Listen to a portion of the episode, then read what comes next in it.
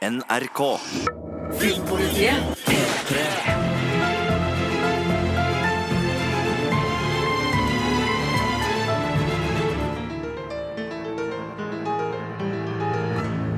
Velkommen til Westworld-podden, podkasten for deg som elsker Westworld, som ikke er redd for spoilere eller å snakke og høre om masse deilige fanteorier.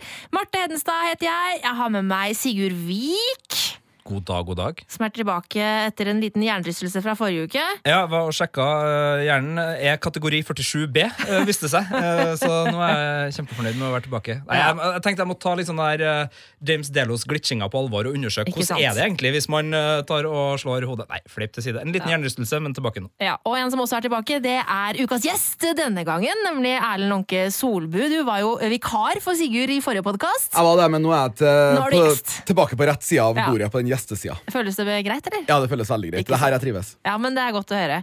Eh, Jeg er veldig gira på å snakke om eh, ukas episode Vanishing Point, eh, fordi det var veldig mye som skjedde, og veldig mye sånn derre små detaljer man kunne henge seg opp i. Eh, Erlend, eh, hva syns du om episoden? Jeg syns den var helt super. Jeg syns de har tatt seg opp nå etter jeg gikk så langt som å tenke skal Westworld bli, bli lost etter en helt super første sesong. Gjorde og så, det? Ja, sånn Halvveis i andre sesongen så var jeg litt sånn eh, Oi, nå skal de jobbe litt for at jeg gleder meg til tredje sesongen. Men nå, de to siste episodene, og jeg er helt med igjen.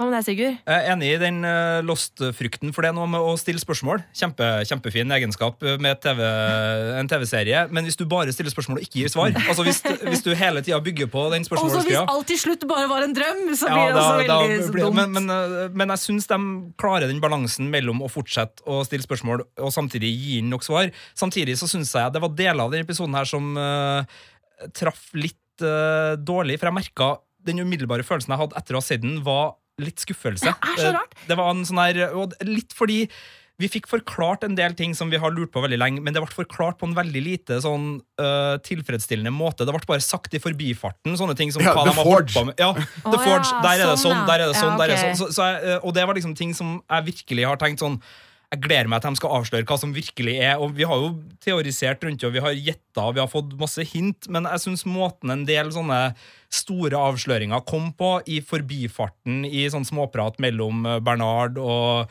eh, Elsie, og mellom eh, William og, og Emily, eh, eller Grace, som hun fremdeles heter på IMDb, det er så frustrerende merkelig. Men altså, ja. IMDb er jo vår på en måte slags bibel av faktaopplysninger når det gjelder film og TV-serier og spill. Eh, men altså, de, de, de har jo ikke alltid rekt. Nei. Som for eksempel på episodelengde så har de jo ikke oppdatert, eksempel, og det kan hende at eh, det står Grace der fortsatt, bare rett og slett fordi de har eh, glemt å endre det, eller et eller annet sånt. virker utroverdig, eller lite troverdig, at eh, starten- IMDb, som er en så stor fandrevet site, på en så stor Ja. serie som Westworld, ikke skal ha oppdatert eh, Grace, med mindre det har gått sport i å bare la det stå der som en sånn artig, kuriøs liten uh, For vi tror jo at står Grace, stod Grace der i starten med vilje, for at, ikke, at IMDb skulle avsløre den kjempestore tvisten at hun var datteren. Men det skjønte jo kanskje de aller fleste rimelig tidlig. Men nok om det! Eh, nok om navneproblematikk på IMDb. Eh, skal vi bare gå i gang og snakke om episoden, eller? Jeg tenkte vi kunne begynne med Dolores og Teddy. Eh, Jeg syns det er eh, så gøy nå, fordi at nå eh, begynner vi oss, tidslinjene begynner å samle seg. Altså, det vi så mellom Dolores og Teddy nå, er jo det som da eh, vi så et blikk fra i første episode, når de tar ut hjernen til han derre godeste lille Ghost Nation-fyren som som, som lå der drept, og vi fikk se Dolores si Det er ikke alle som får lov å bli med til The Valley Beyond. Så da fikk vi se det. Men Og- eh, de mener jo at hun ikke skal få bli med til The Valley Beyond, da. Ghost Nation, eller The Door, som de kaller det.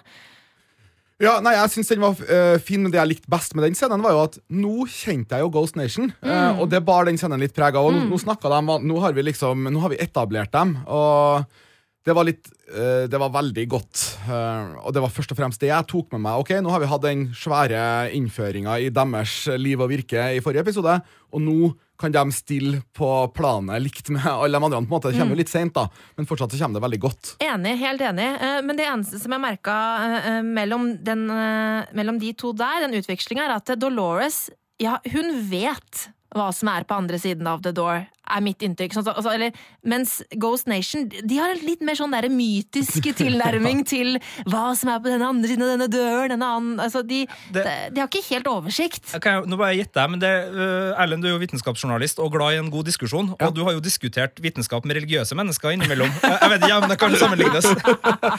Jo, det kan, det kan være det, men jeg har mer trua Jeg tror det ligger mer i, i religiøsiteten til Ghost Nation-gjengen enn i religiøsiteten til folk flest. Og så tror jeg de er, mer, de er mer åpne for nye inntrykk enn kanskje noen av de du har diskutert eh, Ja. religion og vitenskap med. Det kan opp godt hende. Mm. Men, men, noen som lurte på hvorfor de for å gikk med eh, masse mennesker tjora fast på, på pinner? Altså, Hadde de vært og funnet dem, eller bare tar de med seg dem rundt når Nei, de er ute de og skal går? jo Eller? samle, samle dem inn, fordi at de har jo fått beskjed av Ford at eh, når på en måte uh, The Deathbringer tar livet av meg, så må dere samle folket og dra til The Door. Er det ikke det de driver med, da? Jo, Det er det jeg har tenkt hele tida. Ja. ja. Jeg bare lurte på om det, var nye, sånn- om det var nye mennesker som vi ikke hadde sett før, eller om de drev og flytta rundt, eller om, det var, om de var på tilfeldig vandring mot The Door, eller. Jeg tror de kanskje driver og har en sånn slags oppsamlingsrunde i parken nå. Sånn der, kom da, kom da, enten du vil eller ikke, nå skal alle samles inn, alle sauene skal gjennom grinda. Ja, jeg tror kanskje det er noe sånt. Ja. Men det er bare vill gjetting, selvfølgelig. Eh, Men eh, vi fikk jo en eh, ganske sånn litt overraskende og veldig god scene mellom Teddy og Dolores etter dette Ghost Nation-møtet etter hvert. Eh, eh, Jeg syns det er fascinerende, for vi har sett Teddy eh, et par, ved et par anledninger eh, nekte å gjøre det Dolores har bedt ham om, og da har sluppet noen fri. Og det gjorde han jo også her. Han lot denne Ghost Nation-fyren gå, eh, som på en måte jeg tok som nok et tegn på at han er fri, eh, og så fikk vi virkelig se da, hvor, hvor fri han faktisk eh, har blitt etter et sånt ganske fint farvel eh, med Dolores. Hva syns dere om, om hele, hele farvelscenen og hele 'jeg velger å avslutte tiden min her'? Jeg syns den, den var egentlig løst ganske bra. Jeg har jo, øh, jeg har jo forventa at noe sånt skulle skje, for jeg tror ikke nødvendigvis det å programmere noen på nytt er den øh, riktige veien til evig lykke i, i et parforhold. Eh, og at kanskje at det lå litt i kortene at hun måtte Ja. betale konsekvensene av det på den der måten. Mm. Men det var også sånn, det lå veldig åpenbart når han trakk den pistolen. Den der kommer ikke til Ja. du til å bruke på deg sjøl, gutten min. Så jeg fikk ikke den der spenninga. «Åh, Skal han drepe henne? For det, det skjønte jeg jeg at eh, det lå litt i kortene. men det var veldig Det var veldig sånn elegant løst, syns jeg. Og så var det veldig sånn fint da han eh, endte opp som han gjorde, og det er bare det ansiktsuttrykket til Dolores. Eh, fullstendig sjokk, og helt sånn Virker som at hun bare har mista fotfestet helt fullstendig. Eh, og det jeg da lurer på nå, altså for dette er jo da det nyeste vi har sett av Dolores ikke sant, i denne sesongen. Vi har ikke sett noen andre tidslinjer som er noe nyere enn dette. Som jeg kan huske. Nei. Eh, og det betyr at jeg bare er veldig nysgjerrig på hvordan hun nå skal takle dette videre. Fordi jeg føler at altså, hele hennes liksom, sånn derre grunnmur er bare revet bort. For jeg tror mye, mye lå i liksom, hennes syn på Teddy og liksom, det der samholdet de hadde. Ja, Hun er i hvert fall nå helt ribba for alle allianser Ja. og alle følelsesmessige Nå har hun bare de der zombie-gutta Ja. sine igjen, liksom. Eller altså, Båndene er jo der, og savna er jo der, og, og smerten og, og følelsesbiten er der, men hun, hun har ingen igjen av sine øh, sterke relasjoner da, til, til andre hoster. Jeg kan bare ta kjapt tidslinjemessig, så er vi sannsynligvis nå på dag sju vi er mellom dag sju og elleve en plass, mm. mener folk her nå, når vi følger både øh, Man in Black og, og Dolores og, og alle disse her. Fordi folk på internett har regna seg fram til at uh, Man in Black har minst hatt sju dager ute i parken siden uh, massakren. Eh, og det er dag 11 som er på en måte da Bernard plukker opp brillene på stranda. Så mellom dag 7 og 11, uh, kanskje litt nærmere 11, tenker jeg, da, men, men det er der sånn cirka vi er i, i løypa nå. Så vi begynner jo å nærme oss eh, at eh, tidslinjene skal møtes. Naturlig nok når det er ca. én episode igjen eh, der, da. Så det er jo, Rart, det er jo lo lovende. Men, eh, Og når men- episoden heter Vanishing Point. Ja. Det er jo de er to linjene som møtes i horisonten. To parallelle linjer, ser for dere. To, to toglinjer som Mm. fremover. Vanishing Point er dem, der de blir til ett punkt. Mm. Ikke sant. Åh, jeg liker det. jeg liker det. Um, men uh, vi har jo altså uh, Vi har jo snakka mye om uh, de to kvinnene som vi på en måte har heid på i ulike deler av sesongen. Dolores heier vi kanskje ikke så mye på lenger, har vi om, men vi heier jo fortsatt på Mave. Og det var en spennende episode for Mave, selv om hun lå på samme plass hele episoden. Ja, hun er jo kroppslig ganske maltraktert og, og åpna, men har jo et uh, hode som uh, fungerer. Uh, Dolores fikk jo riktig, det her har jo du snakka litt om tidligere, Marte, Mm. at hun advarte jo om at de kunne bruke Mave som et våpen hvis de fikk tak i henne, hvis hun ble der. og det har de jo delvis gjort da, ved at de har skjønt hva, hvordan hun bruker det her Mesh-nettverket, og, og da tatt den biten, eh, programmert inn i en allerede overprogrammert Clementine. Stakkars eh, jente. De har jo ikke noe cradle å reboote henne fra, så, så der er det jo bare program oppå program oppå program Men altså, Det må jo flere kunne gå an å strippe bort noen program der etter hvert. Altså, kan Clementine få på en måte bli frisk igjen? Altså, kan hun, selv uten The Cradle, kan hun fikses? Kan hun fikses? Ja, nei, jeg, jeg vet ikke, det er jo det som er litt sånn snedig nå, men det er tydelig at de har i hvert fall gitt henne et sett med primærfunksjoner akkurat for å være den uh, andre dødbringeren, da, som uh, vekker et slags zombie-Walking Dead-scenario innenfor den andre ruta. Yes. Jeg er jo ikke glad i den zombiebiten, og når de begynner å liksom bite og rive av ørene av hverandre og sånn, så kjenner Ja, ja. jeg at det er liksom ikke helt dit jeg vil Men, sant? visuelt at denne serien skal. For hun bare beordra jo drep hverandre, Ja, antageligvis. Og de hadde jo da ikke noe våpen til rådighet, da, så da måtte de jo Ja. bite hverandre, da. Men eh, ja, eh, hennes eh, måte å, å agere med andre verter på har blitt et våpen som Mm. da muligens uh, Charlotte og gjengen klarer å bruke mot uh, de andre. Ja. Og det er jo mange som tenker at uh, det kan også være med å forklare hvorfor det er så utrolig mange host-lik i det her vannet som vi har sett da skal komme på, på før dag 11 en gang. Ikke sant? Eh, Selv om jeg tror nok at Ford har en finger med i spillet der eh, fortsatt. Eh, Men Ford har jo også da vært og tukla med Mave mens hun ligger der. Bernard kommer innom og er nærme nok til å la Ford legge igjen en beskjed.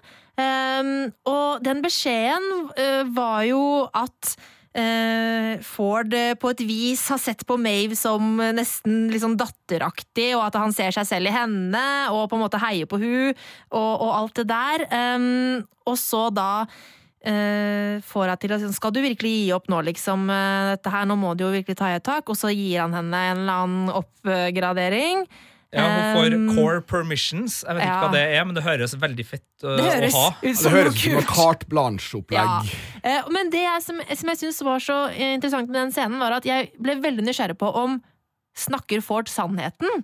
Er, altså, mener han virkelig at han på en måte om, altså, han, nå, For meg nå så fremstår jo Ford som en ganske sjuk fyr. Han er gæren, liksom. Han, er noe, er noe greier. han har noe en eller annen diagnose, tror jeg. Eh, og I den grad han kan elske noen, så er han glad i Mave. Da, i, i det, det er i hvert fall det han sier. Eh, er det bare et spill for å på en måte få Mave der han vil? Fordi at han vil på en måte sette henne ut i spillet igjen fordi at han trenger henne til å gjøre et eller annet? Eller eh, mente han det han sa? Nei, jeg tror, det kan jo være på en måte både og her. For jeg Mm. syns jo Maeve er den mest likende òg, så jeg synes jo det er veldig plausibelt det at han har hun som sin favoritthost. Mm. Men det betyr jo ikke at han ikke har i tillegg noe alternative motiv for å si det, eller at, at det er smart av henne å si det. Ja. Så det kan være på en måte Ja.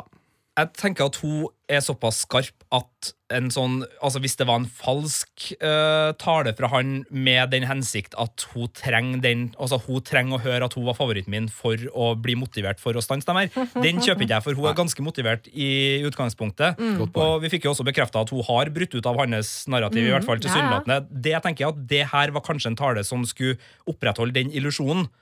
I- Hvis det er et spill fra For deg, så er det at han sier det til henne sånn at hun skal tenke sånn Du ja, brøyt ut av min loop. ja, men Mm. at uh, det er kanskje Det er måten han sa det på Der tenker jeg at det kanskje var en sånn Akkurat som Dolores har vært på Wyatt-narrativet Du uten tok å- jo ikke toget som jeg egentlig mente at du ja, skulle ta. litt, litt sånn, så, jeg, så Ja. jeg tenker altså, Hvis det var noe lureri der, så var det Ja, kanskje okay. mer der. Okay. Men, jeg- men jeg kjøper den her på face value. Han er jo, Hvis du får det en barnehjemsbestyrer, så vil jeg jo ikke stort på noe. Altså, han prøver jo å manipulere ungene opp mot hverandre, i så fall. Men Han bør ikke få jobb som barnehjemsbestyrer. han. Helt enig med meg, han bør ikke.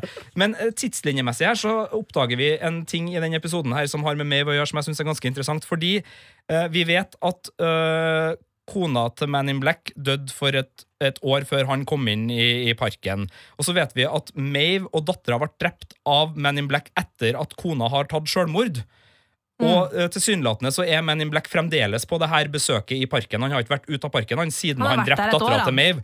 Eh, og det gjør jo at Mave sin historikk med at dattera dør, at hun blir bordellmamma på Mariposa sitt eh, bordell, og så får den beskjeden fra Dolores om at these violent ends have violent Nei, these violent delights have violent ends, og begynner å få den her bryte-ut-greia, skjer på et ganske sånn Det går ganske fort. Det er liksom sånn cirka et år da, fra liksom datterdød til der vi er nå.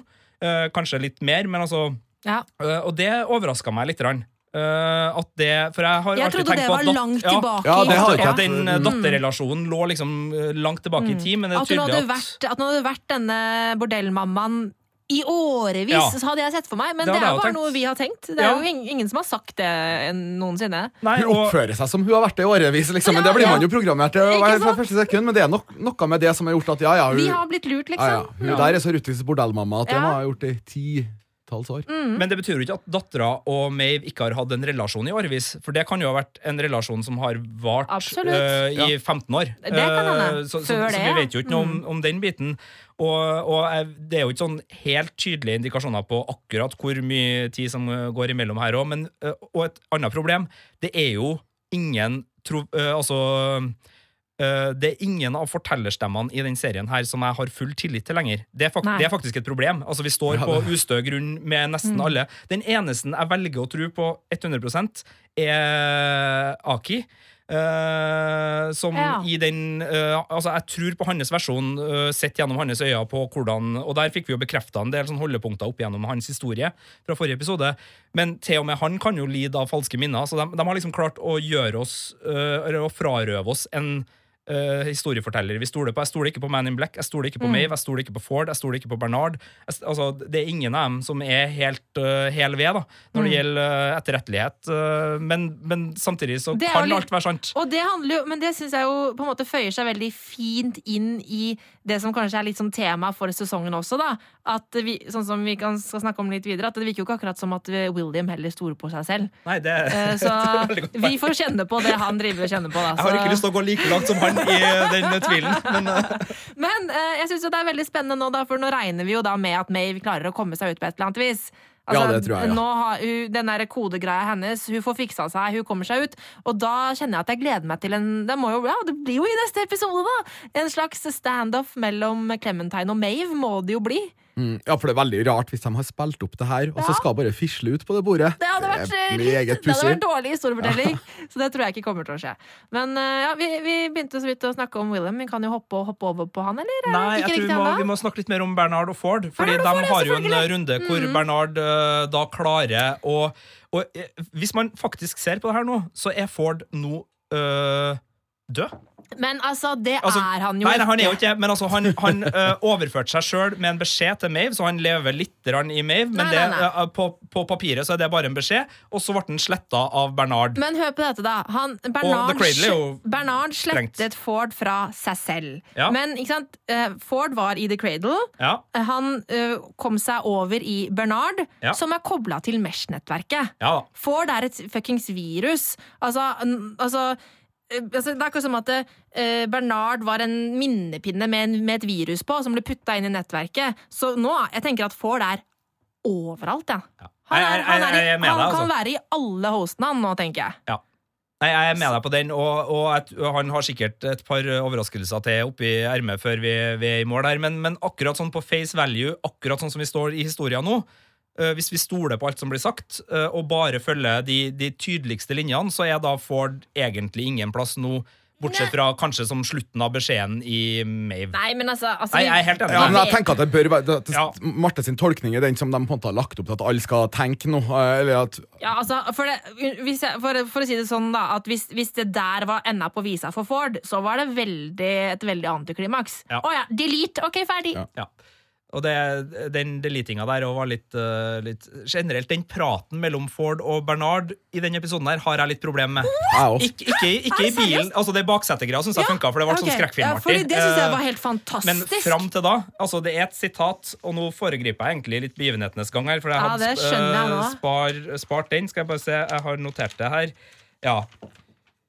Jeg, og nå tar jeg på norsk. Jeg, har dere ja, for noe da problem høres med det jo så mye bedre, mye bedre ut. Eh, når han og Bernard går rundt der og ser på hva Clementine kan gjøre med Ja, der, ja. Ja, okay, Så sier han jeg advarte deg mot å stole på dem. De vil heller se vertene ødelagt enn å sette dem fri. Ja, Å nei! Å nei! Altså, og det var bare sånn her Ja, det er enig det er kanskje det den enig den minst uh, sånn finesse-replikken jeg har hørt Anthony Hopkins er- uttale er i, i serien så langt. For det var å slå inn uh, Altså, eh, Hvis du har en sånn eh, bua kjøkkeninngang der det ikke er dør, men bare en sånn bue, det er å slå inn den døra. uh, som ikke er der engang. Altså, det, ja, nei, det var teit sagt, men, men det, det var unødvendig unødvendig ja, å si. Ja, det er enig. Eh, Men den bilscenen var jo helt fantastisk. Altså, jeg, altså, Anthony Hopkins er så rå. og Jeg fikk helt sånn Silence of the Lambs-feeling eh, på, den, eh, eh, på den scenen der. Og den fikk han Oscar for. Just saying. Jeg syns det var dritbra. Jeg digga det. Jeg holder nattsvermeren et lite hakk over bare den, den ørlille sånn, i helhet. Altså. Det er greit. Men, men, uh, Men jeg, jeg, jeg fikk skikkelig nattsvermeren-tendenser-følelsen der. Altså, han var så creepy. Jeg, synes, jeg digga det. Um, men ja, han etterlot uh, stakkars Elsie aleine, da. Men uh, Igjen? Igjen, ja. Jeg syns synd på Elsie. Hun blir alltid forlatt. Ja, men jeg, jeg har ikke det. Er ikke Jeg noe har stort noe- savn. Nei, det, Nei, ja, det er ikke det. jeg syns hun har vært en litt sånn irriterende figur. Tøffa seg mye med banning. Og, nei, jeg, hun, har, jeg, hun kan bare forsvinne ut av serien for alt jeg bryr meg om. Jeg skal tilbake på tannlegeskolen. tøffer seg med banning, du, ja. Ja, akkurat hun, syns jeg. Kjøper ikke bannskapen hennes. jeg.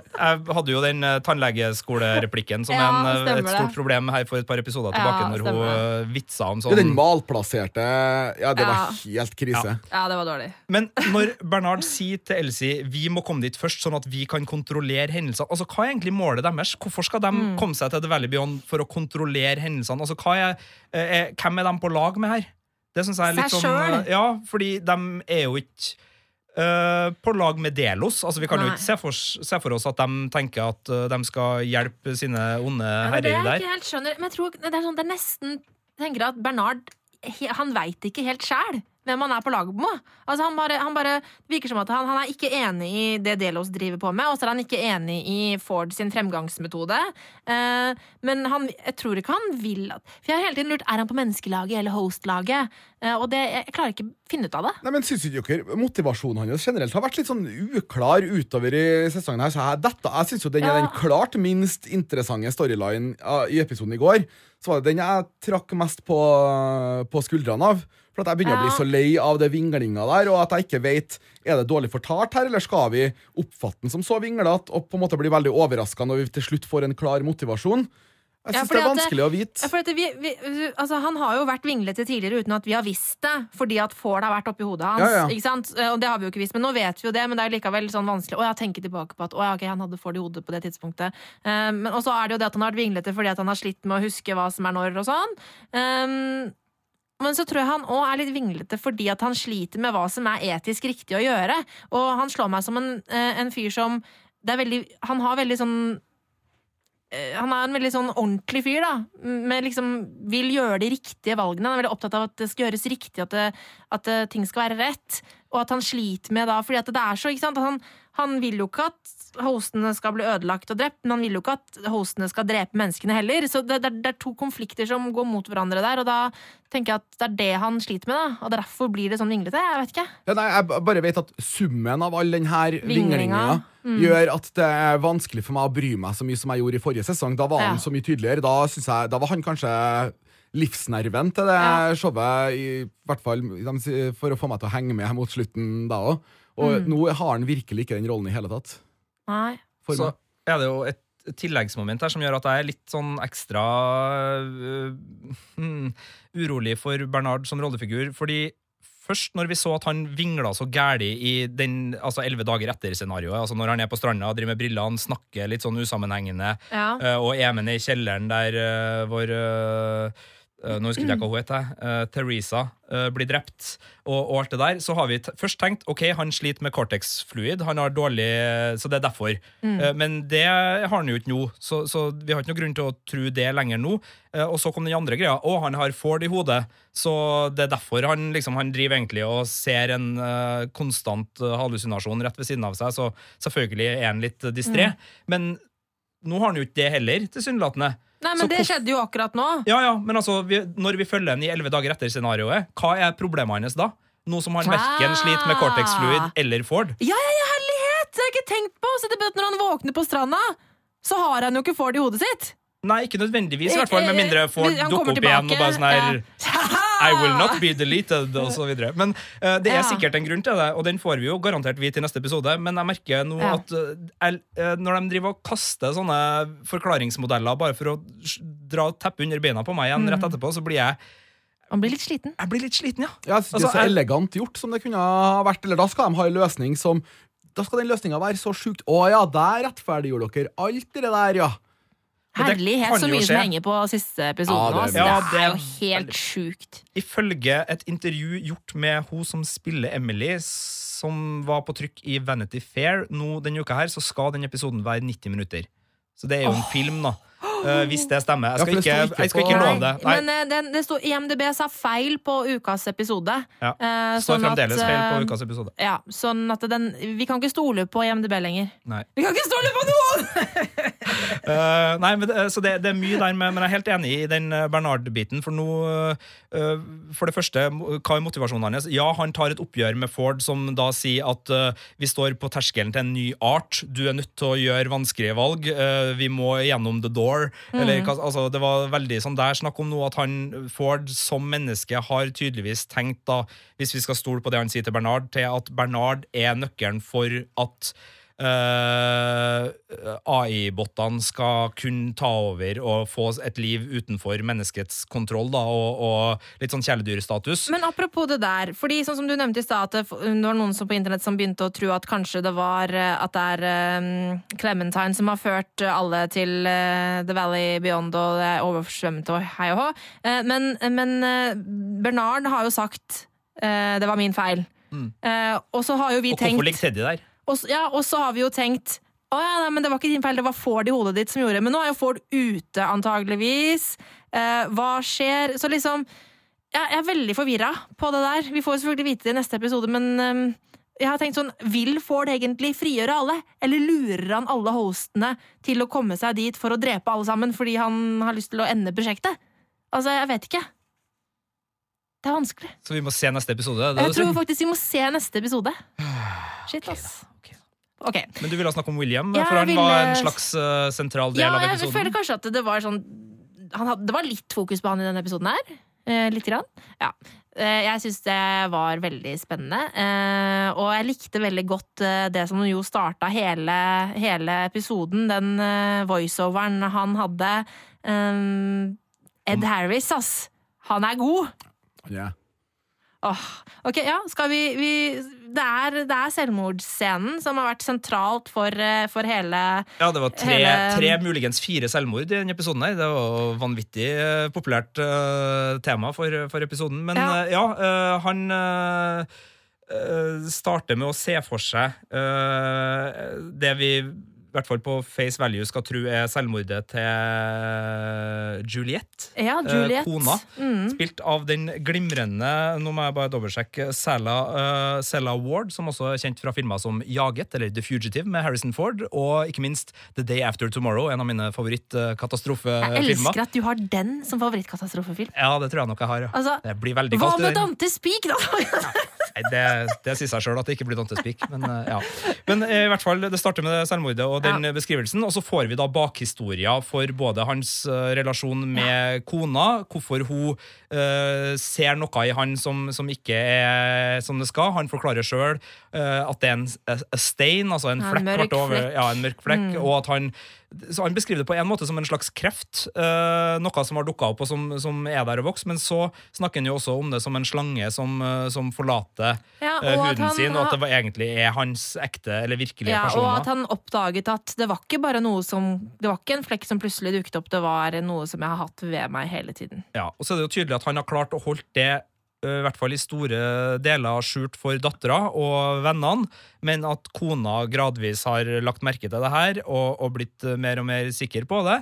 Og så er jo da vår gode venn Ford her i kulissene og Mm. napper litt i noen strenger som gjør at ting kommer til en øh, konfrontasjon, og vi får se da øh, hva Juliette gjør da hun får den fulle og hele sannheten da tilsynelatende på, på det her kortet med all infoen fra eh, om William fra parken. Ja. Jeg, jeg, jeg likte veldig godt eh, scenene mellom eh, Emily og eh, William i denne episoden her. Fordi jeg har alltid tenkt at han har vært en fraværende far. eh, I løpet av eh, de to sesongene som vi har sett nå, og at hun på en måte alltid på en måte har eh, mislikt faren sin, at han har vært fraværende og fjern, og at hun derfor har mislikt han, og så liksom ender opp med at moren dør, og derfor i hvert fall hater hun han. Men det vi jo ser, er at de to har jo et kjempegodt forhold, og virker som at hun har vært en sånn skikkelig sånn pappajente, eh, hvor det egentlig er moren som har vært litt sånn der antagonisten i familien, på en måte. Eh, så det syns jeg var litt eh, interessant å se. Ja, og ikke bare det, men jeg har jo tenkt at han har vært en hestkuk mot kona si hele tida òg, men det kommer jo frem at det Eller det, det gjorde jo han til en litt mer helhetlig figur. For det har jo ikke vært noe sånn at han har vært et troll mot hun heller, virker det som. Han har jo vært sånn tilsynelatende forholdsvis kjærlig i enkelte situasjoner, eller kanskje prøvd, prøvd så godt han har kunnet. Ja, og det der er så fascinerende, fordi sånn som uh, han var jo veldig kjærlig mot henne, eh, og da, og da blir jeg sånn Ok, er han manipulerende? Eller, eller elsker han henne i det hele tatt? Han svarte jo aldri på spørsmålet når hun spør ja, har du i det hele tatt elska meg. Svarer han jo ikke. Men han er jo veldig sånn stryker henne over håret og alt mulig sånn. Og så, Vi snakka litt om det før eh, innspillinga, Sigurd, at eh, når hun eh, finner ut da hvor forskrudd han faktisk er, eh, at det overskygger jo da hvordan han har behandla henne og familien, da, hvis vi, hvis vi skal ta det på face value, det vi så i episoden, at han tydeligvis har behandla henne fint hele tida, men at det er et sånt mørke der som hun bare ikke klarer å se bort ifra, da. Ja, og så ble den utløsende faktoren det at hun fikk jo virkelig se det Ja, hun mørke. Hun fikk jo se en slags sånn worst off-pakke gjorde med det drøyeste han har gjort. Ja. Du kan jo tenke deg Hvis du har et sånn showreel med fem minutter av Nå hans skal vi se eh, at du voldtar og dreper en hel gjeng med folk. Kos deg. Ja. Så jeg skjønner at det ble litt dråpen som Ja. fikk begeret til å flytte over. Ja. Men uh, et tankeeksperiment her. Hvis vi ser på Westworld, så kan vi se på det som en videospillversjon, bare veldig hø- høyt utvikla. Og nå beklager jeg til robotrettighetsmessig, så er jeg ute og sykler her. Men hvis vi sier at Marte da spiller GTA på verst brutalt vis, og hennes ektemann liksom får tilsendt en sånn Se hva Marte egentlig holder på med GTA. på GTA, og bare Oi, shit. Uh, kontra eh, den andre ytterpunktet, hvis vi ser på det som virkelig. Marte har et uh, mordrom i kjelleren hvor hun går ned og torturerer uh, alt mulig av mennesker. oi, oi. eh, Et virkelige mordrom i kjelleren, ja. Eh, og han oppdager det. Det er jo to veldig forskjellige ting. Jeg beklager til Marte Hedenstad her nå for å, å utlevere Ja, og vi anbefaler ingen å ha mordrom. Nei, det må vi også få sagt. disclaimer, disclaimer. Ikke ha mordrom. Eh, men hvordan da en ektefelle eller en person i en nær relasjon til noen vil oppleve eh, For det her er et sted midt imellom. Jo, altså, vi, ikke sånn som vi ser Westworld nå, for nå ser jo vi at de har bevissthet, og sånn, men ut fra The Man in Black-perspektivet Han dreper jo dattera i, eh, til Mave i en sånn der Jeg vil bare se om jeg klarer å føle noe, men det er også en slags sånn der videospillvariant sett fra hans Ja, men da er det jo ikke midt I det. imellom, eller da er det jo veldig mye nærmere GTA enn mordrom. Uh, Ja. Tross alt. Uh, man, Man kan i hvert fall argumentere for ulike plasser på den linja Ja. mellom GTA og mordrom, litt avhengig av hvordan man ønsker å vinkle det her. Ja, ikke sant? Men da kan du jo sånn som si sånn som Angela sa til William første gang han var i parken. da Does it really matter? Altså, hvis, hvis, hvis de ser ut som oss, hvis de oppfører seg oss, som oss, hvis alt er som oss, har det egentlig noe å si da? Og så selv om ikke sant? Altså, Han har jo drept noe som ser ut som menneske, oppfører seg som et menneske. Altså alle disse tingene. Så selv om Og jeg tenker sånn at rent sånn psykologisk eh, så selv om du vet at det er en robot, så vil du følelsesmessig på en måte oppleve det som et menneske, ikke sant? Når du går rundt og skyter, tror jeg. Eh, eh, altså, det er jo bare noe jeg tror, men sånn at det, det sier jo noe om hva du er kapabel til, selv om du gjør det bare i den parken. Mm. Altså, hvor, hvor, det, hvor langt er egentlig grensa? Altså, hvis du er villig til å morde, morde faktisk, myrde og voldta eh, noe som ser helt ut som et menneske, hva, hvor, skal, hvor mye skal til før du da overfører det Jo, men man kan tenke seg hypotetisk at man kan ha veldig lyst til å være sadistisk mot roboter, og så trekke en veldig sånn klar grense, men ja, ja, men du er jo et liv, der vil jeg jo selvfølgelig ikke Ja. Mm. gjøre det mot. Så det er ikke noe sånn nødvendig at selv om du er brutal mot roboter, så ja, men da har du i deg til å være brutal mot, Ja. uh, mot mennesker Ja, òg. ja, det er sant. Man kan jo være sånn som du nevner, altså, man kan jo drepe horer og hei og hå i GTA, men eh, du ville jo kanskje ikke gjort det i virkeligheten. Det kan man. Men, men poenget her var egentlig bare at uh, det at kona til Man in Black da går til det skrittet det er å få det her som utløsende faktor for et selvmord. Ø, da tenker jeg at det ligger mer altså, da, Hun har sett Ja, den personen, hun hun, vet vet at den personen eksisterer, og Ja. det var mer en bekreftelse for ja. henne Ja, okay, enn at det var liksom en sånn sjokk. Sånn at Ja, ja, du så ikke noe sjokk i øynene hennes. Nei, det var bare det var sånn, var overhodet sånn, ikke ja, sjokk. Mm, det er sant. Han, han driver og drar Dolores eh, Det har han gjort mange ganger, da, tydeligvis. Ja. Drar hun etter håret inn i låven for å være trasig mot henne, ja. Det, det var det jeg tenkte. Trasig. Ja, uh, det, uh, Ja, Ja. eh, men jeg er veldig nysgjerrig på det, det, har, det har jeg lyst Jeg skjønner at vi sikkert ikke rekker det, men jeg kunne ønske at vi fikk se mer av det virkelige eh, livet hans. da Hvordan han har vært utenfor parken også. Ja, for at jeg, jeg, jeg, Da den episoden her starta, tenkte jeg yes, nå skal det være samme som episoden før. Da det var bare Ake. Nå skal Ja, det være bare sant? William. Ja, så jeg. Mm. jeg elska det med episoden, men grunnen til at jeg ikke syntes det var en helt super episode, var at jeg, følte meg litt sånn eh, snytt hele Mm. tida når vi ble revet ut av William-fortellinga, for den var så viktig for meg. Og bare det å se ham i det cocktailpartyet og få se ham med andre mennesker der Jeg ville hatt mange flere eh, sånne. Enig. Det var veldig interessant.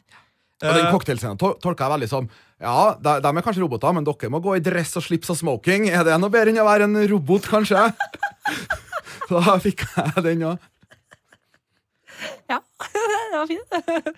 Eh, Men eh, ja, så skal, vi må nesten snakke om Skal vi gå på badet?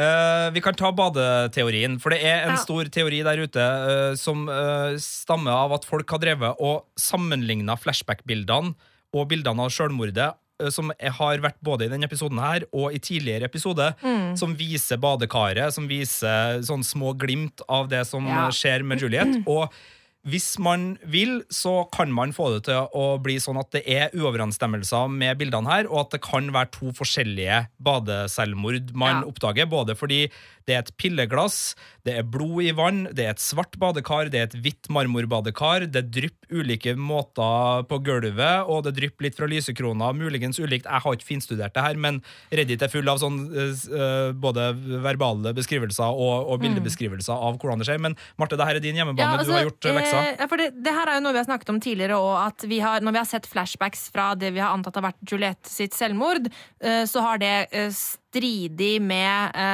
det Man in Black har sagt om hvordan hun døde.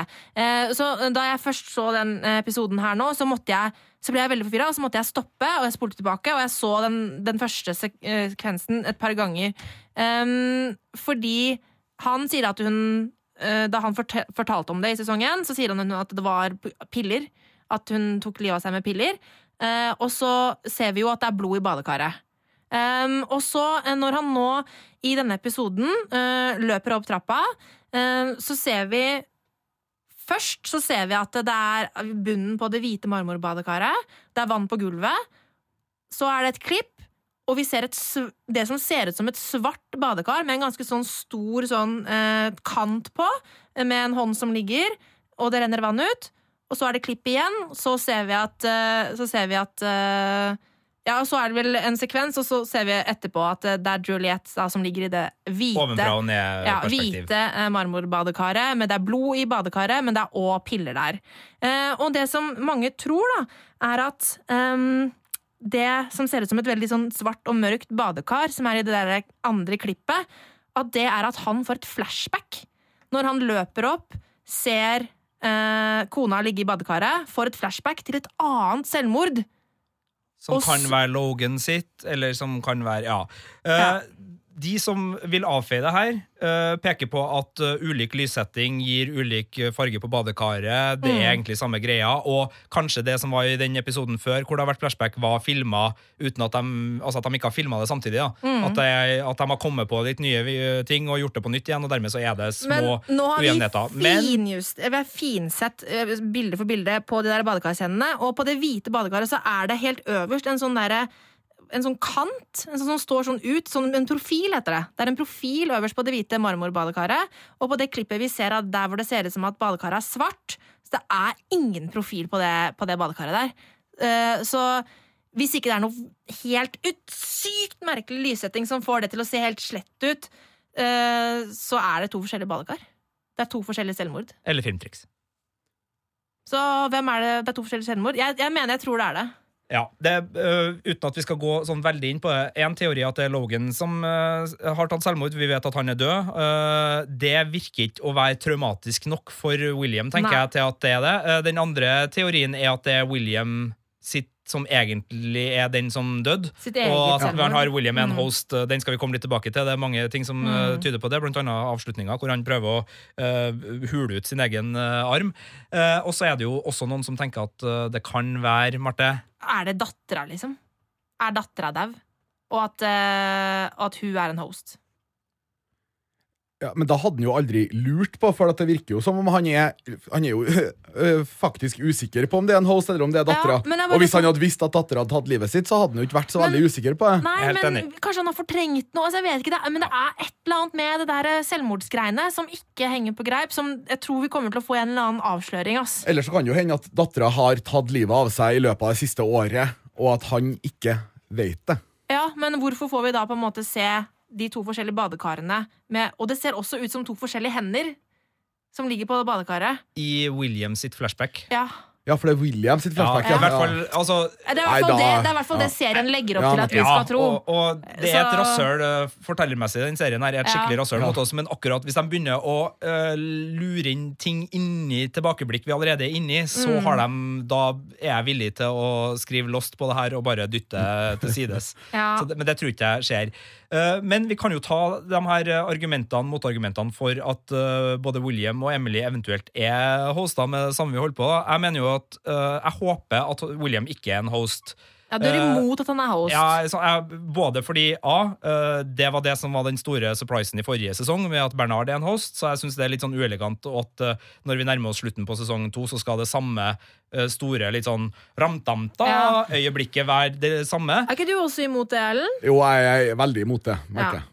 Er det også, På litt på samme grunnlag som du er, Sigurd. Ja, og så syns jeg uh, det, Og det her er vi uenige om, Marte, og, og det, det, er ikke sånn, det er ikke veldig stort, men jeg syns det tar litt bort fra det at han har drept sin egen datter. Hvis Ja, er Emily nå er mm. død, da. Hvis det er en host William som har skutt henne. Så er det mindre ille. Nei, det, det, det tar noe bort fra det. Litt, syns jeg. Ja, Det er, det er veldig vanskelig sånn moralfilosofisk å gå inn bastant i, i det materiet. For det er klart, hvis det er en klon av William med Williams reaksjoner og følelser og alt som, som gjør den handlinga, så kan man si at det er, er Det var ikke faren som drepte dattera. Nei, det, er i hvert fall et, det er ett ledd bortafor, da, sjøl Ja. om det er en klon av den samme. Ja, så, det gjør et eller annet med det, den sjokkeffekten vi fikk da han plaffa ned. Og vi har finstudert uh, treffene. De er sånn cirka på hjertet. Det var to skudd fra, minst to skudd fra det maskingeværet. Så sjøl om uh, William tålte fire i brystregionen og fremdeles går, så virker det veldig som at Emily er død. Og skuespilleren som spiller Emily, har også sagt i et intervju at det var det siste fra meg som levende i den serien her. Det står det ikke ennå på, da, men det får noen sove. Eh, og så er det uh, er det noe med at min favoritteori er litt annerledes når det gjelder William, enn at han er host. Så jeg har en eh, favoritteori som jeg kan komme inn på, som eh, tilsier at han skal være menneske. Dessuten så mener jeg jo at Mave har jo møtt han. Hun snakker med alle hostene i Mesh-nettverket. Hun fikk ikke noe utslag på han da de treffer hverandre i forrige, eller for to episoder siden. Så, så, så det er mye som må liksom knekkes til før jeg kjøper den historien helt, da. Men vi er alle enige om at øh, på slutten der Han står med pistolen eller revolveren mot sitt eget eh, hode og vurderer å ta sitt eget liv når han skjønner at han har drept sin egen datter. Um, gjør det ikke likevel, og begynner febrilsk å lete i armen sin. Vi er alle enige om at han da enten tror han er en host, eller vil, er redd eller håper et eller annet at han er host, sant? Ja, ja, ja. Ja. Nei, jeg tror det Nå har det begynt å tilta. Han har drept dattera si, liksom. Han har det. Så da er det ikke noe rart at han kan klikke nok til å tenke sånn Å, hen hvis jeg la meg bare være en host nå, for da er det Ja. veldig mye mindre ille det at Ja, jeg har drept det- dattera mi. er sånn siste ja, halmstrå. det- Er det, er, er det derfor han begynner å lete? Fordi at han syns at det er mindre ille? Jeg tenker at det er en kombinasjon av det, pluss at han er så besatt av uh, spillet. Og det er jo på mange måter Ford som er arkitekten bak det her drapet. Ja, ja. ved å gi ham det kortet eh, og sende ut på Ja, den for ja, eh, vi, vi snakka oss litt for fort gjennom det. For det at han gir det kortet og sier bare 'just one last game', Ja. det var der det hele starta, ikke sant? Det var der det hele starta. Og hvis Ford har Altså, han har så mye informasjon. Eh, altså, had, har han skjønt at det er den veien det kommer til å gå? Har han liksom sett at hvis jeg gir dette kortet til William nå, så dreper han dattera si? Man tenker jo det. Han er noe pupp... Han inngir jo en sånn veldig puppet master-vib. Ja, Mm. Men jeg tror eh, det. ja, jeg Og det- tror det. det er min- Nøye orkestrert. Min eh, teori som gjør at jeg eh, håper at, og tror at William ikke er en host, er fordi Ford sitt spill var hele tida å få han på, på brinken til Men- å tro det. Altså, Hans spill var å få William til å tvile på at han sjøl er et menneske. Det? Eh, Hvorfor vil Ford at uh, William skal drepe sin egen datter og tro at han er host? Jo, men Det er jo en annen ytterpunkt på det. For Én ting er bevissthetsforandringa, er å få Mm. en robot til å tro at han er et menneske, og så har du omvendt. vei, Men eh, liksom Ja. klarer du å få et menneske òg. Ja. For det er jo et Og- og kjempeartig hvis- og. Og hvis ingen vet hva de er, Ja. har det da noe å si hva de er? Ja. Ja.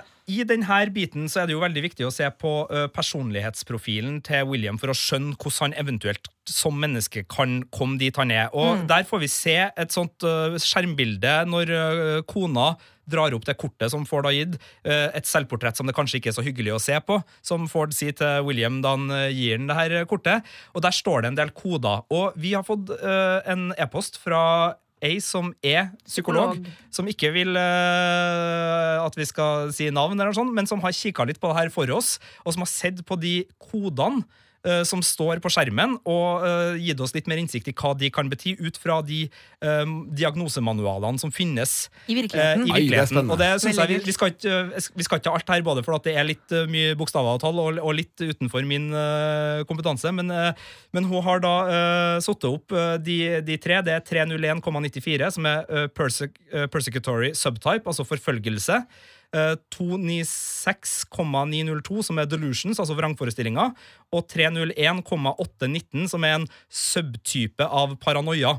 Det er de tre eh, hovedtingene som står fram på William, og det er 0,0072, tror jeg, prosent av eh, mennesker som er registrert her, som Sjelden har den. vare. Så han er sjelden vare. Han er sjeldent uh, personlighetsforstyrra.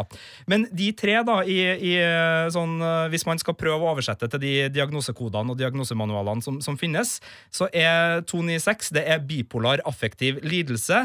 Uh, og da med de videre punktene her, så tilsvarer det en uspesifikk affekt... Uspesifikk uspesifikk affektiv stemningslidelse.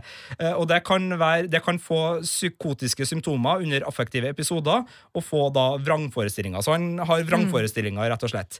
Eh, Så har man da eh, 301-biten, som eh, er personlighetsforstyrrelser dersom Og ja, det er eh, personlighetsforstyrrelser, og personlighetsforstyrrelser er dersom en personlighet over tid avviker betydelig fra hva man kan forvente i en gitt kultur, og i tillegg medfører at man fungerer dårligere på mellommenneskelige og psykososiale områder. Og det er faktisk drøyt 10% av befolkninga som oppfyller de kriteriene, men her har man jo da eh, subkategorier, og det er narsissistisk personlighetsforstyrrelse, som da er eh, William sin, muligens, da, som en subkategori. Og ifølge Store norske leksikon så kjennetegnes det av at personen har større tanker om egne evner og prestasjoner enn det de faktisk eh, resultatene tilsier at de har, og de er opptatt av fantasier om ubegrensa suksess og makt. De krever særbehandling, og de utnytter andre for egne behov. Eh, Og den her tror jeg du kommer til å like, Ellen. De er også svært krenkbare. Ja, Det tviler ikke jeg på. William har ikke virka veldig krenkbar kanskje i serien, Nei, men eh, men, men alt det her er jo ting Ja. som, som bygger rundt. Og så I tillegg så har han da i den siste en uspesifisert personlighetsforstyrrelse, som da ikke dekkes av de eh, spesifikke som finnes i diagnosemanualene, som paranoia eller uh, narsissistisk, eller sånn som vi har vært inne på.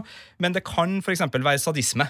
Eh, og, og sånne ting. Så, så eh, avslutningsvis her så skrives det kanskje er 301,94 en framtidig ny subtype av uspesifisert personlighetsforstyrrelse. Men uh, altså han har da en eller flere personlighetsforstyrrelser, sannsynligvis, og er enten pågående vrangforestillinger eller en sårbarhet for å utvikle vrangforestillinger i perioder, avsluttet av vår eh, psykolog med her. Så, så det sier jo litt om William, og det her vet jo Ford, for han har jo det kortet. Så han spiller jo på det, da muligens, hvis det er han som er arkitekten bak Williams sitt spektakulære sammenbrudd her, eh, og har gitt den de. Har latt familien, både kona og dattera, har da fått også sett det her. Eh, Og, og det, det gir jo mening. I et menneskelig Så skal det jo også sies at en eventuell host William sannsynligvis har akkurat de samme personlighetsforstyrrelsene, så, så ja. Men eh, hva tenker dere? Jeg synes det, det er kjempespennende. Eh, for da, da jeg så eh, Jeg så jo hva det sto eh, i, i Altså mm, på den skjermen, men, og at det sto noen tall ved siden av. Men jeg tenkte ikke over at de tallene kanskje betydde noe. At det var liksom kunne være Hva var det du kalte det? Eh, diagnose- diagnosekode. Manualer ja. Ja. det- vet jo ikke jeg, så nå tar jeg det for god fisk, den e-posten vi har fått ja. Og må bare si tusen hjertelig takk til det deg som sendte. Det var en. Mm. veldig grundig og god e-post vi fikk der, så, så hjertelig takk for den. Men det, det sier jo noe både om detaljnivået til serien, hvis det stemmer, hvor grundig de er. Det her er ting vi ser i 0,01 sekund på en skjerm.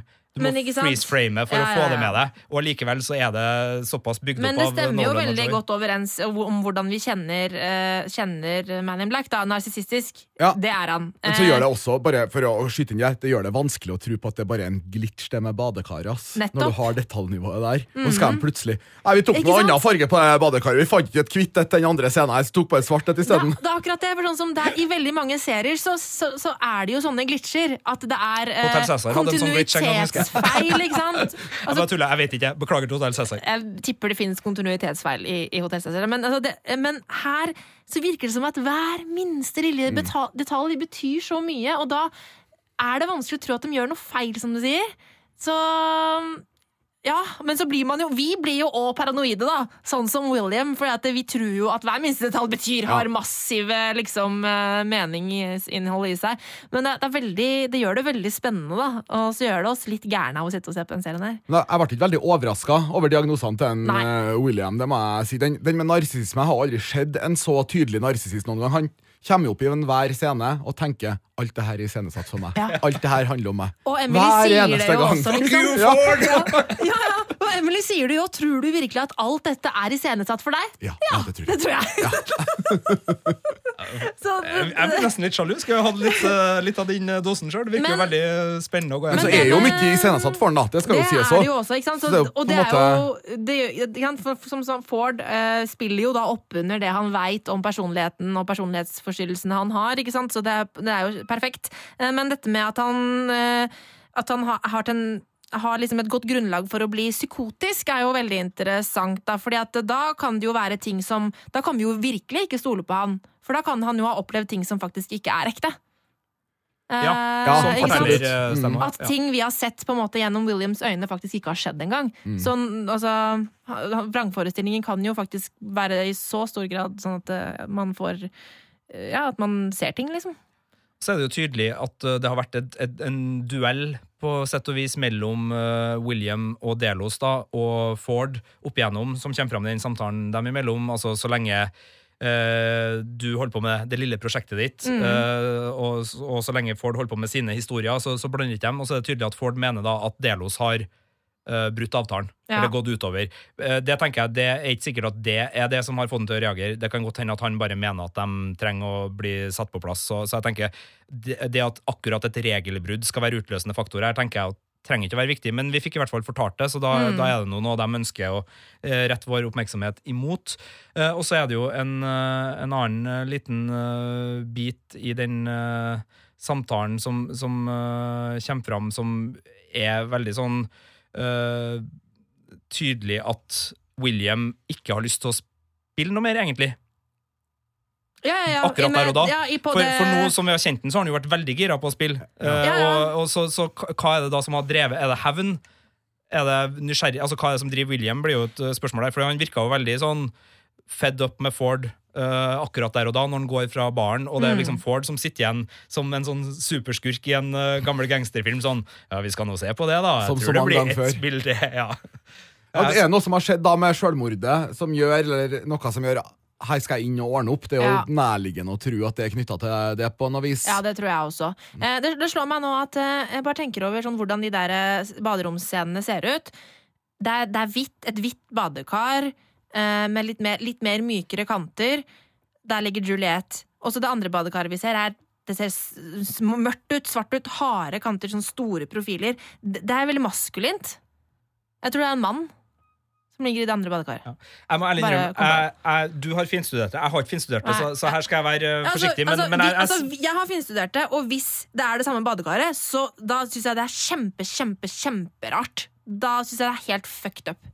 Da er, det, da er det sesongens glitch, liksom. For det ser så forskjellig ut. apropos glitch, skal vi ta en liten eh, runde på best og verst, eller? Ok, uh, Vi deler ut hver uke så deler vi ut uh, ukas beståtte Turing-test. Uh, hvis en maskin klarer å lure et menneske til å tro at det er ekte, så har den bestått Turing-testen. Det er positivt i Westworld-forstand. Derfor deler vi da ut ukas beståtte Turing-test for det beste, og så deler vi ut ukas glitch for det dårligste. Vi pleier å begynne med det på godsida. Mhm. Hva er forslaget ditt, Erlend, for ukas beståtte Turing-test? Det var faktisk, det, det er jo ikke noe, noe trivelig, men jeg syns den scenen der han drepte dattera si, eh, det, vart- det var så lite pompøst. Jeg var redd at det skulle bli spilt opp til noe sånn veldig sånn dramatisk, men så var jeg mer sånn Oi, Jeg, jeg faen, der eh, ja. Å, faen, jeg drepte dattera mi. Men så, jeg fikk veldig sånn Åh, det satt et støkk i meg at øh, den mangelen på liksom oppbygning øh, og lettfeldighetene med gjorde at det ble eh, enda sterkere. Så, og det påfølgende 30-40 sekundene etterpå. da. Men sel, særlig selve drapet ble jeg positivt overraska over nøkternheten ved. Ja, Og det, det rørte meg nå i en serie som jeg syns av og til har litt pompøs vært på en litt pompøse sida. Mm. Ja, jeg skjønner hva du mener. Og så eh, også, også gjenspeiler det også litt eh, hvordan William så på hele den situasjonen. For han, hvis han tenker at du er en host, så er det ikke noe problem å skyte av. ikke sant? Så det var veldig Ja. Sigurd? Um, når man er så heldig å ha en bardisk, eh, god whisky og Anthony Hopkins og Ed Harris samla på ett sted, og fange opp den samtalen med kamera, så blir jeg så glad at jeg, jeg Det var rett og slett Jeg syns den scenen var eh, fortreffelig. Det har mye med min personlige smak å gjøre. Jeg får uh, tilfredsstilt veldig mye av ting jeg er glad i i den scenen. Ja. Eh, så jeg klarer ikke å, å finne noe annet enn pur glede ved å se den. Og det, jeg vet ikke om det er et Emmy-øyeblikk, fordi eh, de overså vel Anthony Hopkins etter første sesongen, så det, det er tydelig at han kanskje ikke har noe Men det er en litt sånn sjelden vare. To så uh, gode skuespillere i, I en så eh, avgjørende scene. For det, jeg tror jo den scenen her er veldig avgjørende. Jeg tror det her får setter i gang spillet for alvor. og, og, og måten den bygde seg opp. Og ja, det er klisjeer i den, eh, både whiskybestillinga og kommentaren etterpå, altså det mye, men, men det går glatt eh, inn hos meg, altså. Så jeg, jeg syns den scenen var høydepunktet. eh, men det, det er litt fanboy-bit eh, i den, da, så, så det er ikke Ja. nødvendigvis det, det mest fantastiske som skjedde, men, men da koser jeg meg mest. Ja, jeg holder meg til tema, og, men mitt Emmy-øyeblikk var eh, Nattsvermeren. jeg jeg syns Anthony Hopkins var veldig veldig god i hele den episoden her. eh, og jeg syns det var veldig kult den sekvensen eh, mellom Bernard og Ford, hvor Ford sitter i baksetet.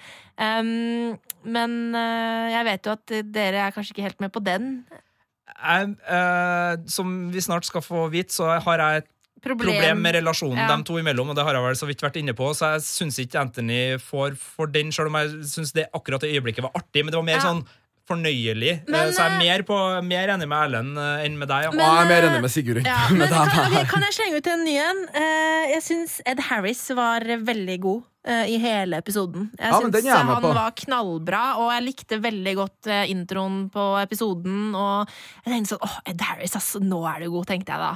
Så jeg, jeg foreslår Ed Harris da, isteden. Jeg tok meg i å komme på at jeg skulle se The Rock igjen. Når jeg så den episoden der. Eh, så- Det er ikke hver dag man gjør. Det er ikke ofte Det er ikke så ofte jeg tenker på The Rock, så, så jeg er helt med på Og måten han kombinerer Og det gjør han jo i The Rock òg. en skurk som man allikevel kan skjønne Ja. og ha sympati med. Mm. Altså, han, er, han er den der gamle, bitre mannen som har tapt for mange slag til å bli en fin fyr. Eh, og det, det viser han jo i denne episoden her. også. ja, jeg er med på at Ed, Ed Harris uh, får Og det kan jo vise seg å være virkelig en uh, Turing-test han har bestått òg. Uh, Ja, det, det det et vet vi godt ikke ennå, men uh, ja. Og Ed Harris, den her gikk til deg.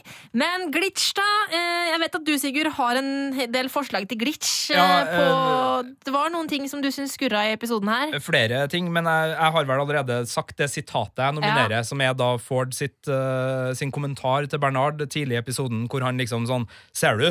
De ville heller uh, drepe vertene enn å sette dem fri, og det tenker jeg var understatement of the year. uh, og ikke noe som egentlig burde trenge å sies i en uh, sånn setting. Så, så den replikken syns jeg lugga kraftig i Westworld-maskineriet. Ok, Erlend? Nei, det er, jeg så gæli med på den. Ja, ok. Og jeg, er- jeg er enig. Det var eh, veldig, som du sa, understatement of the year. Jeg Hadde den kommet i episode én, kanskje, så hadde jeg liksom Å, vil de drepe hostene? Og det er det de Det vil, passer heller ikke inn i en serie okay. som i da brøkdelen det kunne lure inn den der diagnosekoden for de aller Ja. mest oppvakte. Ja. Mm. Og så går du senere til å male ut med den største penselen til de største idiotene som må se på.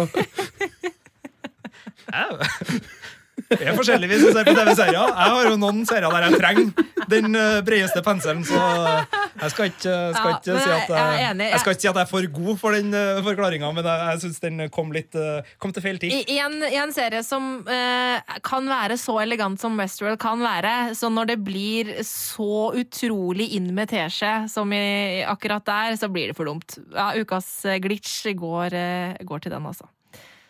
Ok, jeg vet, eh, Vi har fått inn, og du har sett litt på teorier eh, fra uka som har gått, Sigurd, som du gjerne ville ta opp med oss.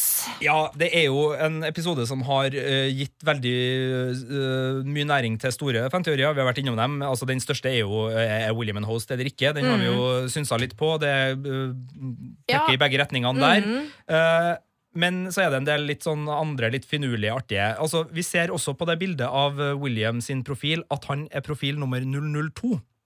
Hvem er da profil 001? Altså, hvem var den første? Og en ting vi ikke har snakka om, hva syns vi om at hatt er liksom uh, skannings Å, eh, for det? Å nei! det var. Kan det være Ja, kan det, jeg skulle til å si det. Jeg er litt enig. Jeg kom på det nå. Å, herregud. Kan ikke det være glitch?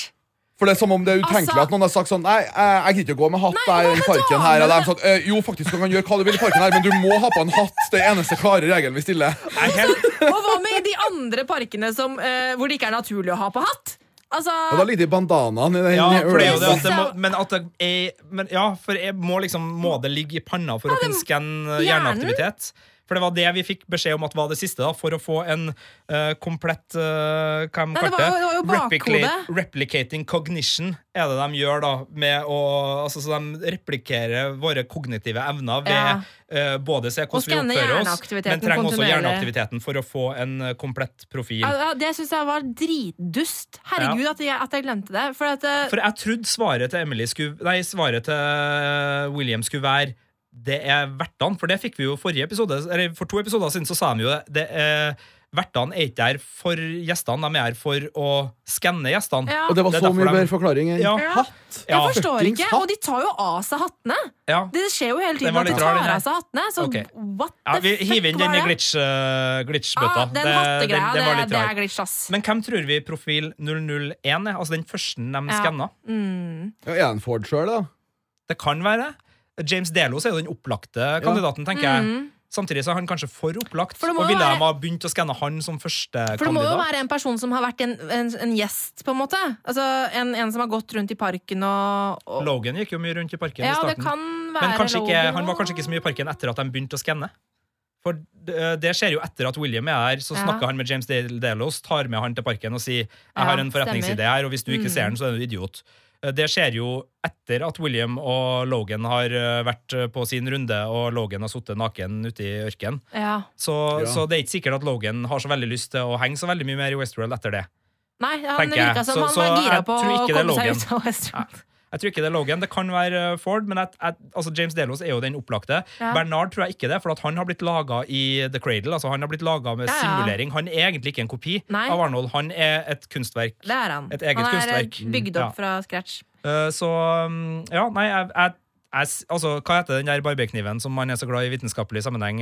Ork... øh, øh, eh, Barberkniv. Vi er glad i ja, vitenskapelig uh, for å skille den mest Altså Hvis du har to eh, ulike løsninger foran deg, Ja. så er det den mest sannsynlige som sannsynligvis er den riktige. Altså Orcams Ja. Racer, ikke oh, ja, ja, ja, ja. Ja, skal, ja. Ja, så jeg, jeg tror vi, Hvis vi bruker den, da, så er det James Delos. Okay. Uh, ja, det Ja, er ja, litt dårlig det- forklart vitenskapelig, Ja, det, det, så- det, mest, ja, det som er mest sannsynlig, er uh, sannsynligvis riktig? ja. Ja, ok. Og Det er sånn er jo ikke det, serien det, er ellers. derfor det er mest Den enkleste forklaringa er som regel den beste. Takk, Marte Hedenstad. Ja, på godt norsk. Ja. Eh, ja, eh, men er, siden du ser så lur ut i skjegget ditt, eh, er det noen andre lur ut i skjegget. teorier? Oh, ja. Nei, jeg, var- jeg så bare nedover på, på spørsmålslista. Jeg har notert uh, Ok, ja, eh, så ja, Mr. Delos, da. Mm, kanskje det er han. det, jeg, jeg tror det er han som er der. Men det kan, Ja. der kan det ligge en overraskelse da, eh, for oss, og det syns jeg jo er litt uh, artig. Uh, så er det Emily. Altså, Én ting er om hun er død eller ikke, det Mm. tror jeg. Ja, Eh, Noe annet er om hun er host eller ikke. Der er vi, vi er litt usikre. Men hun Ja. gjør en del ting som er verdt å merke seg. Altså, okay. Hun bruker samme ordene som Ford bruker. Your little project. Det er sånn direkte sitat som begge to har. Ah. Og måten hun forklarer ting på i parken, henger ikke på greip, hvis man ser på en del ting. Eh, hvordan finner William to ganger, Ja. der hun uh, har egentlig ingen oversikt over hvor han er, Uh, med mindre hun, får, hun må få noe hjelp der. Mm. Uh, så der ligger det et eller annet. Eh, så er det noe med, med dere talene hennes. Hun tuller med far sin på hvorfor. altså I want in, driver hun og sier. altså Hun vil inn i prosjektet. Eh, og så virker det som hun egentlig bare vil finne ut, og det trodde jo jeg, at William hadde drept mora. At det ikke var et selvmord, at det var det hun prøvde å nøste. Jeg var veldig Agatha Christie-modig mens jeg så episoden og tenkte sånn, OK, han, han har gått opp og drept eh, kona si. Det er det som skjedde. Men, men det har ikke Så hun sier liksom det, og så virker det som hun på et tidspunkt argumenterer for at hun har lyst til å gjenskape mora eh, Ja. med en klon. Mm.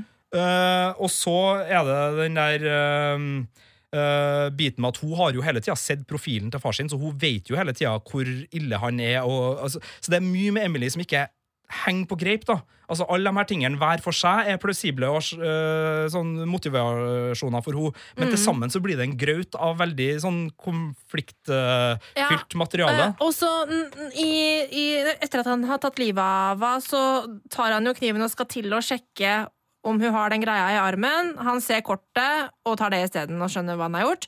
Uh, men han, han sjekker jo da faktisk aldri armen hennes. Nei. Så vi, vi har jo enda ikke fått bekreftet om hun faktisk er en host. Og det er jo litt rart, for det er jo ikke som om det kortet fritar henne for all mistanke. Og da ligger hun jo der, så da kunne han jo bare for peace of mind, liksom. Yes. Hvorfor sjekker ikke han bare? Fordi at, for at Ford, altså Ford kunne jo Og han hadde bare én kopi av det kortet. Ja. Ja, Han kunne jo ha trykt opp 10 000 sånne kort og gitt det til hun, liksom. Ja, eller han kunne jo, særlig, hvis målet var å overbevise hun om at hun ikke var en host, men et menneske, Ja. så ville jo det kortet da være med på å gjøre det plausibelt at det var et menneske og ikke en host, og det ville ha vært et obvious play på en måte i tillegg. Nettopp. Så hvorfor sjekket han da ikke for å være liksom sikker? Eh, Så det så, Ja, og det gir jo litt sånn øh, Uh, Det gir litt Ford sin, Mm. sine orkestreringer. Og hvis det litt, øh, stemmer at, de, at hun bruker at den samme ordlyden det er jo ikke tilfeldig. Nei. Disse manusforfatterne her, det skjer ikke tilfeldigvis, altså. Og da skal vi over til den siste teoribiten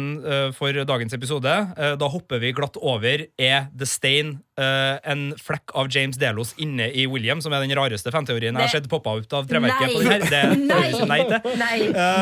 Men det er noe som vi har snakka om før, og som går på uh, det som heter predictive analytics. Ja. Og da skal vi nå innom bare The Forge litt. Fordi én ting er at man da, hvis man har uh, klart å digitalisere den analoge hjernen uh, ved å både registrere vertene uh, sine opp, sin oppførsel, sine talemønster, sine bevegelser, kombinert med hjerneskanner, og har dem da liggende i The Forge, sånn som de snakker om. profilene til faktiske mennesker, mm. altså den digitale versjonen av hjernene deres. Så kan man også i teorien spå framtida. Fordi hvis man har disse klonene, så kan man iverksette ganske mye. Altså, og i hvert fall hvis man tar inn tre, altså, Her snakker man om at man har liksom Og der er vanishing point kommer inn litt. Her, altså, man har tre ulike punkter å vurdere det fra. Man har deres bakgrunn, man har deres eh, oppførsel, og man har deres kognitive egenskaper. Og dem til sammen gjør at du kan i større grad enn det Facebook klarer, eh, spå eh, hvordan ting skjer. Det vil si at våpenet er kanskje mer enn bare å ha de mulighetene. Så er våpenet at Delos i stor grad, hvis de har masse verdensledere, masse forretningsfolk, masse ant filantroper inn her, de kan spå mer eller mindre hva som kommer til å skje på utsida av verden. Fordi at de kan spå hvordan folk vil reagere ja, på ulike ting? De kan simulere, sånn som i The Cradle, Ja. simulere ulike handlingsforløp og se hva som er plausibelt av hvis det skjer, hva skjer så, hva skjer så, hva skjer så. Så det er en, veld, det er en veldig potent våpen, og jeg liker den teorien om at det, det er derfor de har samla all denne informasjonen. Det er ikke bare Mm. for å kunne tilby evig liv til rike folk, det er fordi den kan brukes i veldig stor grad da, til, til militære og, og andre mål ved å ha den kunnskapen. Men samtidig så har du jo, hvis du, har, eh, hvis du setter på det butterfly-effekt inn der, da, og så sier du det er ikke nok å ha mange verdensledere og mange liksom For, for å virkelig simulere hva som kommer til å skje på utsida, så må du ha alt, ellers så kan en, en liten Ja. forstyrrelse kan på en måte skape så store ringvirkninger i en sånn simulering at Ja. Veldig gyldig motargument. Og, men samtidig så er det plausibelt at de ønsker det her for å ha så godt fotfeste som mulig, da, for å kunne spå. Ja, absolutt. Ja. Nyttig til å spå, ja. men det å si at du kan bare sette på det og så vite nøyaktig hvordan ting ville ha utspilt seg, Nei. ved at du Ja. har menneskene sin eh, kognitive evner og oppførsel og sånn, da skal du ha alle menneskene sine, og så skal du gjøre det i simulering som er helt lik. Ja, Men eh, det som, er, det som har faktisk skjedd, da, er at ja, eh, ja disse hattene vet du, de har blitt ekstremt populære. Sånn at i den virkelige verden så går alle med sånne hatter nå. For det er jo Sånn, nok. Det er jo bare- Så de, de, de vet hvordan alle eh, faktisk funker. Men uh, det er den første delen av teorien her, for det, den går på hva våpenbiten er, og den har vi snakka litt om tidligere, og den Ja. er populær. Men så har man da også at Ford har jo unike evner, og har jo på mange måter vist at han har kommet lenger enn Delos hver eneste gang. Og hvis han har gjort noe lignende, eh, så er jo spørsmålet om han til, Ja, sånn, ja. i så stor grad kan forutsi framtida at han For det vet vi nå. Vi vet at Altså- han møtte uh, Aki og, og sa eh, om så og så, så kommer Delores til å skyte meg i hodet. og sånn. Mye av det her kan han kontrollere fordi at han kan kode, men mye er sånn sommerfugleffekt uh, sårbart. Men det har ikke blitt så sårbart at det ikke har skjedd. Han har liksom fått Ja, til og han kan i hvert fall kontrollere altså, Fordi at Parken er jo et kontrollert område eh, hvor han har profilen til alle som er i parken. Sånn Ja. at jeg tenker at inni parken, så ja, kan Ja, han ja, veldig ja. tydelig eh, faktisk se hvordan ting kommer til å utspille seg. Men nå skal jeg strekke meg enda litt utenfor parken, da, fordi her er greia at fordi Ford har kortet til William, Ja. så kan han forutse hvordan den menneskelige William vil reagere til en veldig stor nøyaktighetsgrad ved å drive simuleringer på William. Så når han Ja. gir William det kortet, Ja, ja, det nevnte vi jo i så, stad. så, så, så, så styrer han det- eh, egentlig den. Så, så han bruker Delos sitt våpen mot Ja. Delos sin eier. Ja, ja. Så det er en litt sånn karma, fin Mhm. karma justice, sånn at uh, det Delos sitt våpen og Predictive Analytics, Mhm. og at fremtidsspåinga er ganske voldsom. Det samme har Ford. Uh, og det forklarer jo alle Ford sine, sine antakelser om at han da angivelig vet at Mave kommer til å ende opp på et bord der hun trenger å få et program, der mm. han skal altså, så, så det uh, utvider bare liksom Ford sin Puppet Master-variant, da. Ja. Uh, Det eneste som er kjedelig med å tro på den teorien, er at da er på en måte litt av motstanden og vitsen bort. Altså, sånn, man vil jo gjerne ha en slags uh, ting på spill her og fair, og vi snakka jo om det for et par episoder. Nå, nå må Ford snart begynne å få seg noen tjatringer, for det er litt kjedelig å sitte og se på en TV-serie der du alltid vet at han har Han er skritt foran, Altså, ja. han, han er alltid sånn Å ja, men det der kommer sikkert Ford til å ha et, en, et Mm. motsvar mot. Ja. Det funker helt greit i 80-talls actionfilmer, hvor du vet liksom at ja, men Svartsnegger kommer bare til å banke alle sammen og gå inn og hente dattera, så det ordner seg. Eh, Men det er litt kjedelig i en så stor serie som Westworld at vi Han må få møte noe motstand ja, snart. han må, han må få seg Ja. noen, noen tjatringer der. Men jeg, jeg liker den, eh, den predictive analytics-biten av det, og at den også da eh, Vi har jo ikke alle delene her, men jeg liker, selv om jeg er helt enig i den sommerfugleffekt-motstanden her, det er, det er vanskelig å vite nøyaktig. Samtidig så ser vi jo mer og mer i den virkelige verden at det her er en populær tankegang. At eh, sånn som nå så trenger vi jo på en måte ikke å vente til en film har blitt sluppet på kino, fordi eh, analysen av oppmerksomheten rundt en film med ganske stor nøyaktighet sier at den filmen kommer til å få ca. så mye besøkende i det markedet. Den filmen kommer til å bli, altså Det er filleting sammenligna, men, men Ja. det går jo i den, den retningen. Vi er forutsigbare vesen. Og hvis de har klart å digitalisere et menneske, en menneskehjerne øh, uten at jeg helt klarer å uh, få min egen hjerne til å skjønne hva det egentlig innebærer i all sin uh, fabelaktighet. Så, Vi er så sitter nok de et jo stykke unna. vi er nok et stykke unna, vi, men, men vi- altså, hvis serien sier at det er et premiss, da, Ja. Så, så har vi jo øh, noen muligheter videre her som, som åpner opp døra, Absolutt. for å ta det og si det med, med Westworld. Men, Men, men, det blir jo veldig. Matrix-aktig, da. Altså, hvis, hvis han har alle hjernene til alle eh, som har vært, noensinne vært i parken i The Forge, eh, og han i tillegg har jo Sånn som The Cradle, så var det jo liksom Altså, verdenen var jo digitalt der. Altså, da kan jo alle disse folka leve et digitalt liv, da. I The Forge, og tro at det er virkeligheten. Ba- Bare en ting til. Jeg visste, for at han har et veldig lite representativt utvalg menneskehjerner. Han Mm. Har veldig rike menneskehjerner som han vet hvordan fungerer. Apropos Det er ikke noe fattig igjen i den verden utenom. Apropos det, eh, det den, I starten på det der cocktailpartyet, eh, hvor han eh, der eh, slibrige eh, andre rike fyren bare 'Å ja, ja, jeg glemte at du kom fra eh, fattigslige kår'. Ja, ja, du leste, du, Måtte faktisk. faktisk lese, du. Um, og- Men det sier jo et eller annet om hvordan verden altså, hvordan er verden delt inn? Er det, er, det virker som at det enten er liksom ekstremt uh, rike folk, og så masse, masse fattigfolk, eller? Altså, det, det, var et eller annet sånn Et eller annet der som jeg Ja, det, uh, måten uh, Altså, vi vet at det er veldedighetspenger i omløp, så det Ja. tilsier at det er folk som sliter i den virkelige verden òg, for hvis ikke så hadde det ikke vært øh, store veldedighetsinnsamlinger. Mm. Og da hadde ikke uh, kona til William sagt ja, det var som pappa sa, du er en marxist. Altså, For da, da hadde ikke det vært et behov. Så, Mm. Så vi har ikke kommet til en verden hvor Altså, vi er ikke i øh, en sånn alle all er bemidla, alle har det bra Nei, men jeg øh, fikk litt sånn inntrykk av at eh, vi var i en fremtid hvor det var enda større forskjeller enn det er i dag, og at uh... Ja, for det koster hva, eh, jeg, eh, Nå husker ikke jeg helt. Jeg tror det er sånn 40 000 dollar dagen eller noe sånt det Ikke sant? å være i Westworld. Helt sånn insane mye penger, ikke sant? Ja. Og det er ganske mange gjester der. Ja, ja, ja. Men vi vet ikke helt hva 40 000 dollar er verdt før vi vet hvor er mange år det er til. poeng. Og Mm. husk eh, også at eh, jeg ikke husker helt den summen, så ta den med en liten Ja. Jeg, husker bare at jeg reagerte på at eh, dæven, det var, det var mer enn jeg brukte i fjor, ja. ja. Og i år. Og. Eller ja, ja, Nå, nå tror jeg vi er ferdig. Jeg tror vi er ferdige nå. Men eh, det var en artig episode å diskutere, og herregud, jeg gleder meg helt insane mye til neste, til sesongfinalen. Ja, nå gjør jeg det, og i hvert fall Ja. når det var en og en halv time. Ja. Eh, Den ekstra halvtimen betyr noe Ja, mye. hvis, Ja. hvis vi stoler på uh, Vanity Fair. Vanity Fair og eh, En Emily-skuespilleren av jeg stoler på, så er Vanity Fair. Det Ikke har jeg sagt siden jeg var bitte liten. Ja, jeg også har faktisk det. Eh, Så da gleder vi oss ekstra mye.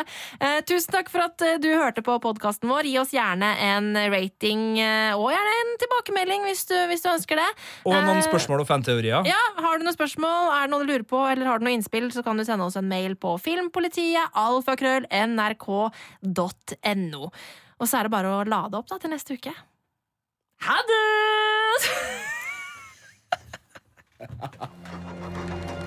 These violent delights have violent ends.